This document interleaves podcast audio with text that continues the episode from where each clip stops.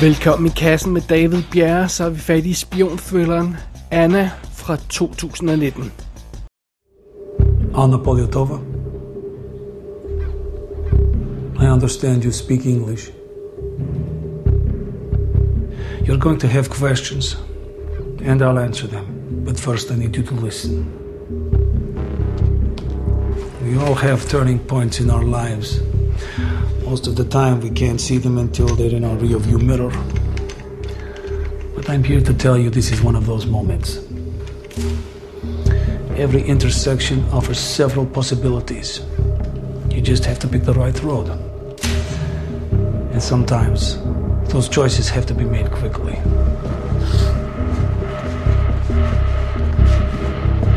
Аня, ты что сидишь, собирайся.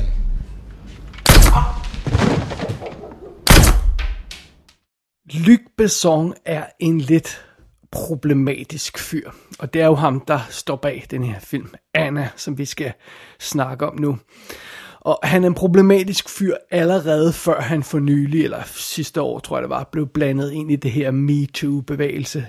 Øh, noget med nogle voldtægtsanklager fra adskillige kvinder og sådan noget. Jeg må indrømme, jeg ved ikke rigtig, hvordan sagen står der, men, øh, men de anklager hænger i hvert fald i luften. Men så før det var der også det der med, at han nærmest scorede alle de leading ladies, han arbejdede sammen med, og det virkede også, det, det virkede en lille smule gusten. Der var et, det, det virkede som om, han, han var lidt, ja, lidt mærkelig den kære Luc Besson. Og så er der de professionelle aspekter af hans øh, karriere her. Hvis vi nu kun snakker om ham som instruktør, ikke som producer eller forfatter øh, øh, bag ting som Taken og Transporter og alle de der ting, men kun som instruktør. Hvis man bare lige kigger på ham som instruktør. Altså, han bragede jo igennem i, i 80'erne og 90'erne med, med mesterværker som Nikita og Leon og The Big Blue og Subway og alt det der haløjsa. Det er altså meget fint. Øh, men så var det, at han begyndte at køre af sporet med de her forfærdelige ting som The Fifth Element, den afskyelige Fifth Element, og Joan of Arc, der fandme heller ikke var noget mesterværk. Og så begyndte han at lave de der animerede film, de der Arthur og Minimøjserne og sådan noget, som han lavede tre film af. Altså, hvad fanden i helvede skete der der? Øh, og så i de sidste par år, så har Luc Besson lavet sådan nogle fuldstændig ligegyldige film som The Lady og The Family og sådan noget, og det er næsten aggressivt tåbelig Lucy. Og de to sidstnævnte, Family og Lucy, har vi jo rent faktisk anmeldt her i kassen. Og sidst vi hørte fra den kære Luc Besson, så var det jo den totalt mislykkede Valerian and the City of a Thousand Planets som øh, jeg godt kan lide at se for sjov, men det er jo ikke en god film. Og, og, og det er jo, når man ser på den, så tænker jeg, hvad fanden, hvad fanden gik der igennem hovedet på de her folk? Og det virker ærligt talt som om Luc Besson, på grund af den film, ene mand er skyld i, at øh, der altså mangler 200 millioner dollars på en eller anden konto et eller andet sted, fordi den film var, var ikke et hit, og den var dyr. Så det, så, og basically, så, som vi har øh, nævnt i flere sammenhæng, tror jeg, i forbindelse med Luc Besson, så har han jo ikke lavet sådan en rigtig god film siden 1994. Så det er Luc Besson, og det er lidt problematisk at hive fat i gut som ham. Og så kommer den her film, Anna, altså. Og den lyder jo som en totalt ligegyldig actionfilm, og så lyder den som om det er en dårlig kopi af Nikita. Og så at man virkelig tænker, hvad fanden i helvede sker der med Luc Besson? Hvad har han gang i? Jamen, det skal vi nok vende tilbage til, men lad os først lige kigge på, på historien her i Anna. Vi følger den smukke Anna pa- øh, Poliatova, Poliatova, eller hvad hun nu hedder. Hun er russer. Øh, hun er en smuk, ung kvinde, og ja, hun er fra Sovjetunionen, og hun bliver hyret til at være hemmelig agent for KGB. Og vel at mærke det der slags agent, der bliver sendt ud i marken for at dræbe, simpelthen ikke bare sådan for at være i øh, honey trap eller noget i stil der. Nej, hun bliver, hun bliver sendt ud for at slå ihjel. Og undervejs i den karriere, så må hun gennem en masse øh, grumme oplevelser. Hun må prøve at være fotomodel undervejs, og hun kommer i søgelyset hos en udspekuleret CIA-agent, og hun må konstant finde sig i en hård behandling fra sin stramme chef, Olga. Men hun finder også trøst i armene hos sin handler Alex. Så det er, hvad det er. Og efterhånden som månederne, og hvis nok også årene går, så bliver Anna mere og mere træt af sin situation. Og, samtidig gør det op for hende, at hun kommer ikke til at slippe ud af det her job i live, medmindre hun tager sin skæbne i egne hænder og finder på et eller andet. Og det er svært at gå flere detaljer med plottet, uden at afsløre for meget, men et, et par ting kan vi dog sige om denne her historie. Den udspiller sig i 80'erne og 90'erne, så vi har 100% koldkrigsstemning her i Anna. Og så har filmen en unik struktur, der gør, at plottet nogle gange er en lille smule øh, svært at gennemskue, men det passer meget godt til den spionverden, vi er i. Og så er filmen her blodig, og så har den grundet sin tidsperiode et par velkendte sange på soundtracket.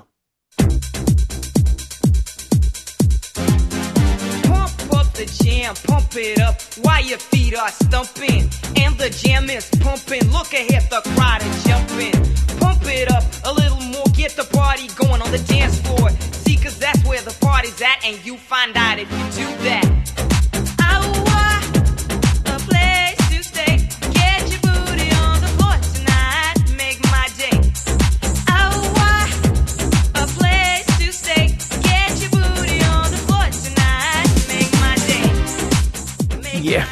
Mere vil jeg ikke sige om plottet i Anna. Og den er som sagt skrevet og instrueret af den kære Luc Besson. I hovedrollen som Anna har vi Sasha Luz. Og hun har ikke lavet så forfærdeligt meget andet. Jeg ved ikke, om hun kommer fra en modelkarriere, det gør hun sikkert. Men hun var en af de her a- mystiske aliens i Valerian and the City of a Thousand Planets. Øhm, en af de her øh øh, øh, øh, sjove, øh, serene aliens, som man ser på den der planet i starten af filmen. Hun var en af dem. Så, så det er det. Øh, ellers øh, er der et par velkendte navne på rollelisten, som vi ikke behøver at introducere nærmere. Helen Mirren spiller Olga, som altså er Annas chef, og hun er super cool naturligvis. Luke Evans spiller Alex Handleren, øh, som, øh, som, som også er mega sej og passer perfekt ind i sådan en film her. Og så dukker Cillian Murphy op, eller Killian Murphy skal man vil sige, op som øh, CIA-manden der, som, som også bliver blandet ind i hendes liv. Og derudover så er der altså nogle... Øh, en masse europæiske skuespillere på, fordi det, det er jo selvfølgelig russere, og, og, og vi, vi, vi render rundt i Europa og sådan noget, som jeg ikke kender, og som, som ikke virker specielt øh, kendte. Øh, men ellers så, så er der måske lige et ansigt her der, man genkender blandt andet sådan en som Andrew Howard, der spiller Oleg, som er en kontakt, øh, Anna møder undervejs. Det er ham, der er, er Marshallen i Outpost tv-serien, som jeg, som jeg elsker at sidde og, og, og se og have. Så det, det, det, det det. Men ellers vil jeg ikke gå så meget i detalje med rollelisten, og bag kameraet så finder vi ellers de sædvanlige folk. Uh, Terry Arbogast har fotograferet igen, og det tror jeg, han har gjort siden, øh, øh, ja, det var så, ah, så på, jeg ved ikke, om han, han var i hvert fald på Nikita, øhm, og musikken er Erik Serra igen, og han har jo også lavet musikken for Luc Besson siden tidernes morgen, så, så det er det, noget af det faste crew, han arbejder sammen med igen. Men det er i hvert fald setupet her i Anna. Oh, but she's not the profile we're looking for.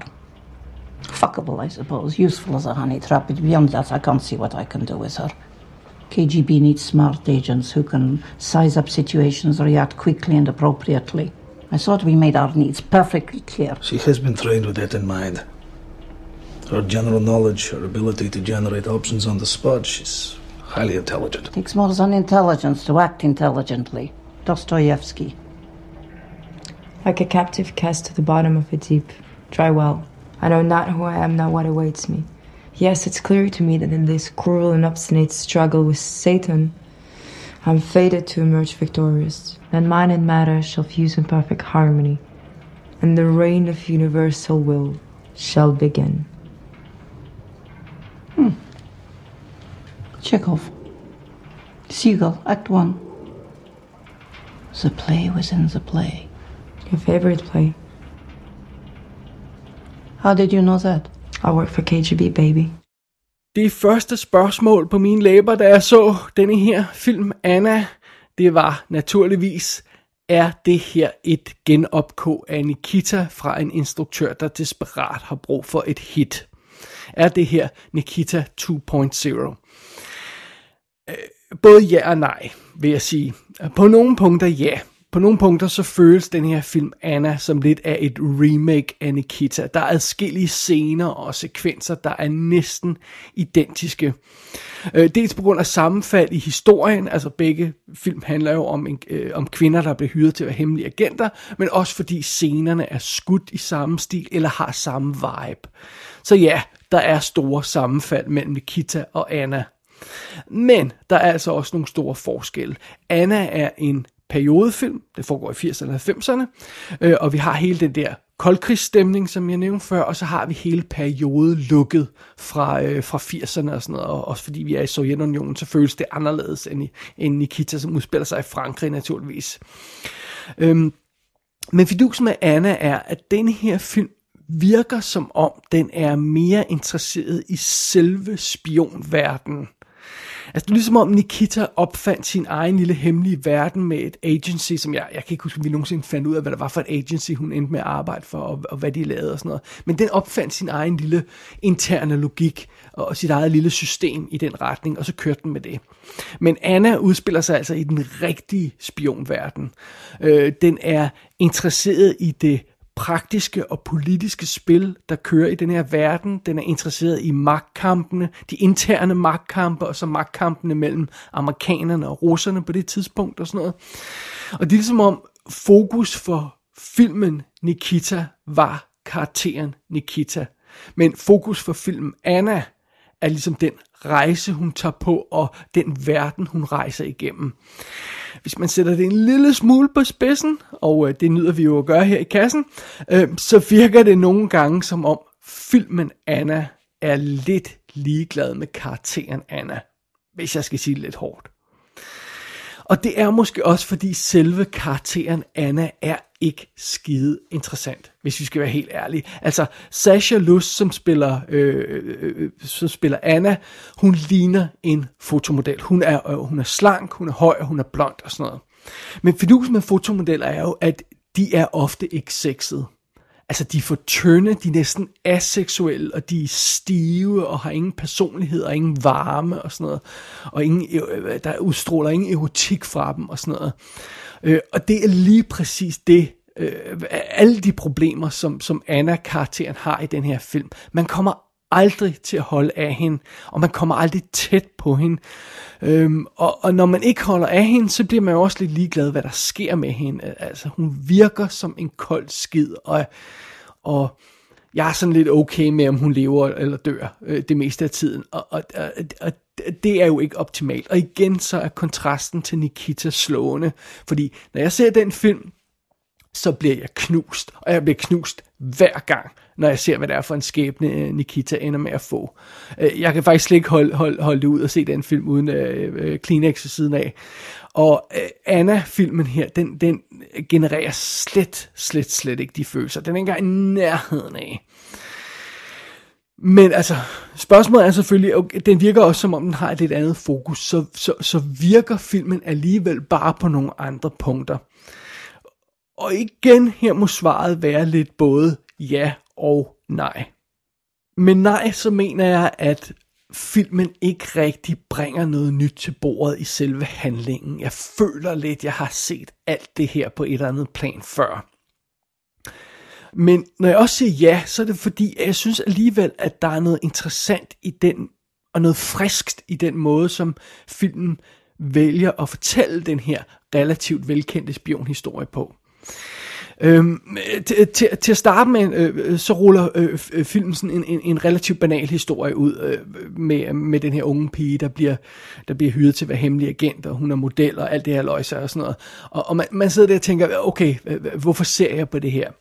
Men på den tidspunkt i filmen, så er det, at den pludselig stopper op, og så springer den tilbage i historien, og pludselig viser den os en ny vinkel på den sekvens, vi, eller de sekvenser, vi så tidligere. Og det går op for os, åh oh, for helvede, der skete jo slet ikke det, vi troede, der skete. Øhm, og det gør filmen flere gange, og det gør den ganske effektivt.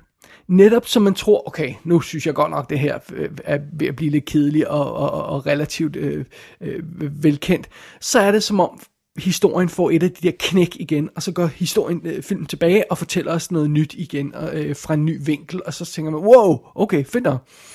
Øhm, og det er ikke sådan en påtaget, unødvendig kompliceret struktur. Den er relativt elegant, og den virker ikke forvirrende. Den har sådan nogle små nøglemomenter, hvor man siger, okay, vi går tilbage til det punkt, og så tager vi den derfra, og det er nemt at overskue, og det er nemt at se. Og, øh, og det, det, det er specielt effektivt, fordi grundet det, det, den simple elegante måde, det er gjort på, så kan vi som seere lege med. Altså, bare for at give et eksempel. Vi sidder og ser en scene, og der er en lille detalje, der virker forkert. Og sidder man og tænker, kan jeg vide, om det betyder noget? Ah, så fejrer man det måske af vejen og ser filmen videre. Og så pludselig er det, filmen stopper op og går tilbage til det, det moment tidligere og fortæller os, hvad der i virkeligheden skete. Og så den der lille detalje, som man måske registrerede, eller måske gjorde man ikke, det er lige præcis nøglen til at gennemskue scenens sande natur. Og nogle gange så fangede jeg den der detalje, og tænkte, okay, det der, det kommer vi tilbage til, det ved jeg godt, hvad det betyder. Øh, men selv når jeg gjorde det, så var afsløringen alligevel fed. Og så andre gange, så var jeg totalt overrasket og sagde, okay, det havde jeg slet ikke spottet, det der, der var den der lille detalje, eller jeg havde ikke set be- be- betydning i, i den der lille detalje. Øh, og så virker det her twist, om jeg så må sige, bare ekstra godt. Øh, og måden at fortælle den der his, øh, øh historien på, det her med at springe frem og tilbage og afsløre nye sider af det og sådan noget, Jamen, det under, understreger jo også filmens egentlige interesse. Den udforsker den her spionverden, hvor man ikke kan stole på noget. Øh, og filmen giver lidt os, som ser samme behandling. Først snyder den os, men så er det, den går tilbage og viser os, hvordan den snyder os. Og hvis jeg skal være helt ærlig, den del af Anna fungerer skide godt. Altså den fungerer virkelig, virkelig godt. Jeg sad faktisk og jublede højt flere gange, fordi filmen fik hævet tæppet væk under mig og, og, og øh, fik snydt mig på en, en super tilfredsstillende måde.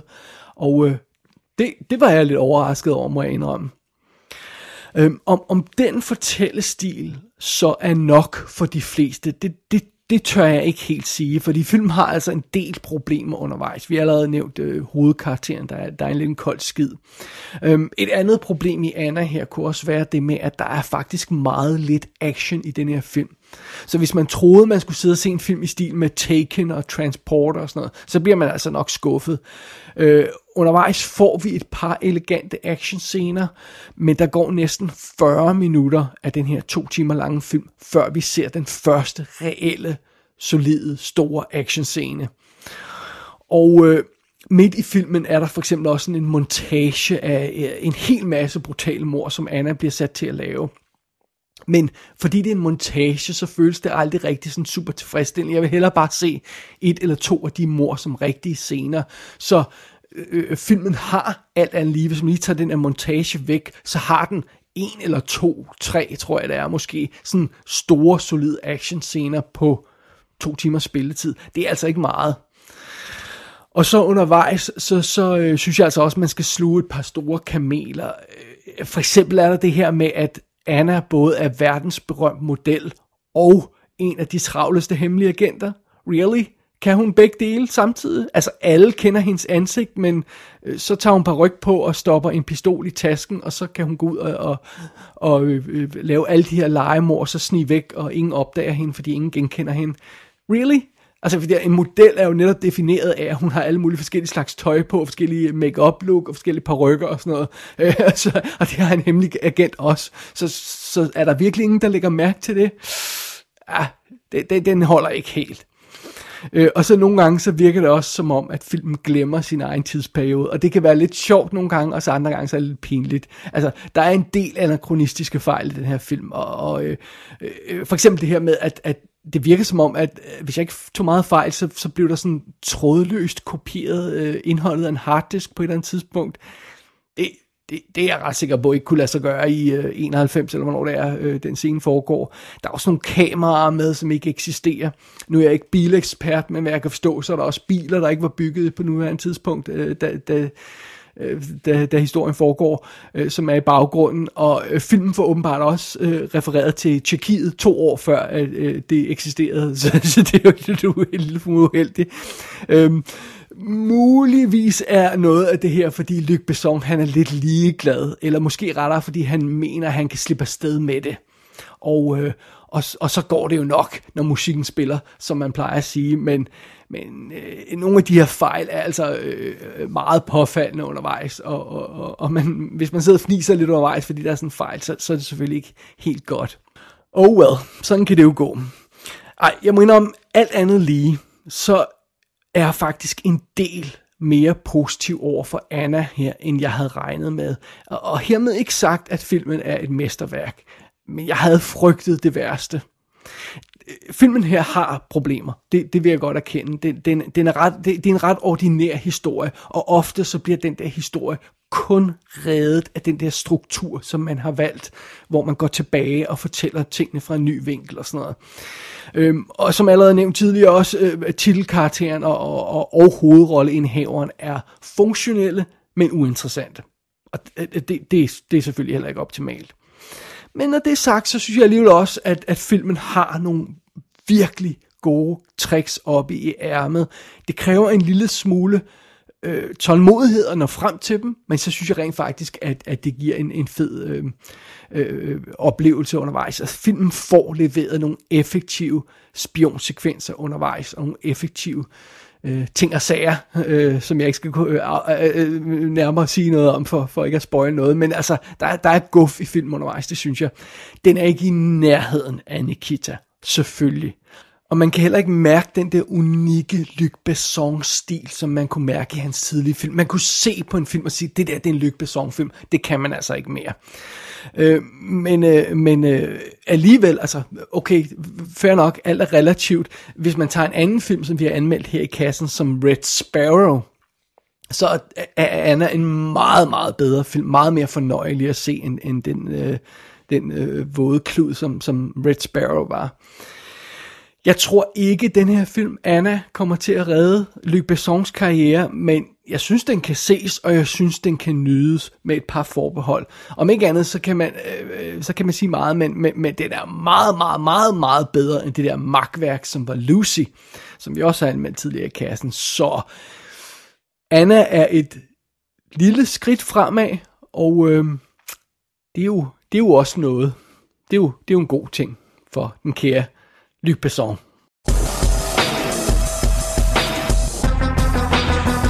Anna er ude på amerikansk VOD, og den er på vej på DVD, Blu-ray og 4K skive i USA, med fire featuretter i ekstra materialet. Den kommer også på dansk DVD og Blu-ray, dog ikke i Danmark, så man skal hente den hjem fra Norge eller Sverige. Gå ind på ikassenshow.dk for at se billeder for filmen. Der kan du også abonnere på dette show og sætte en besked til undertegnet. Du har lyttet til I Kassen med David Bjerg.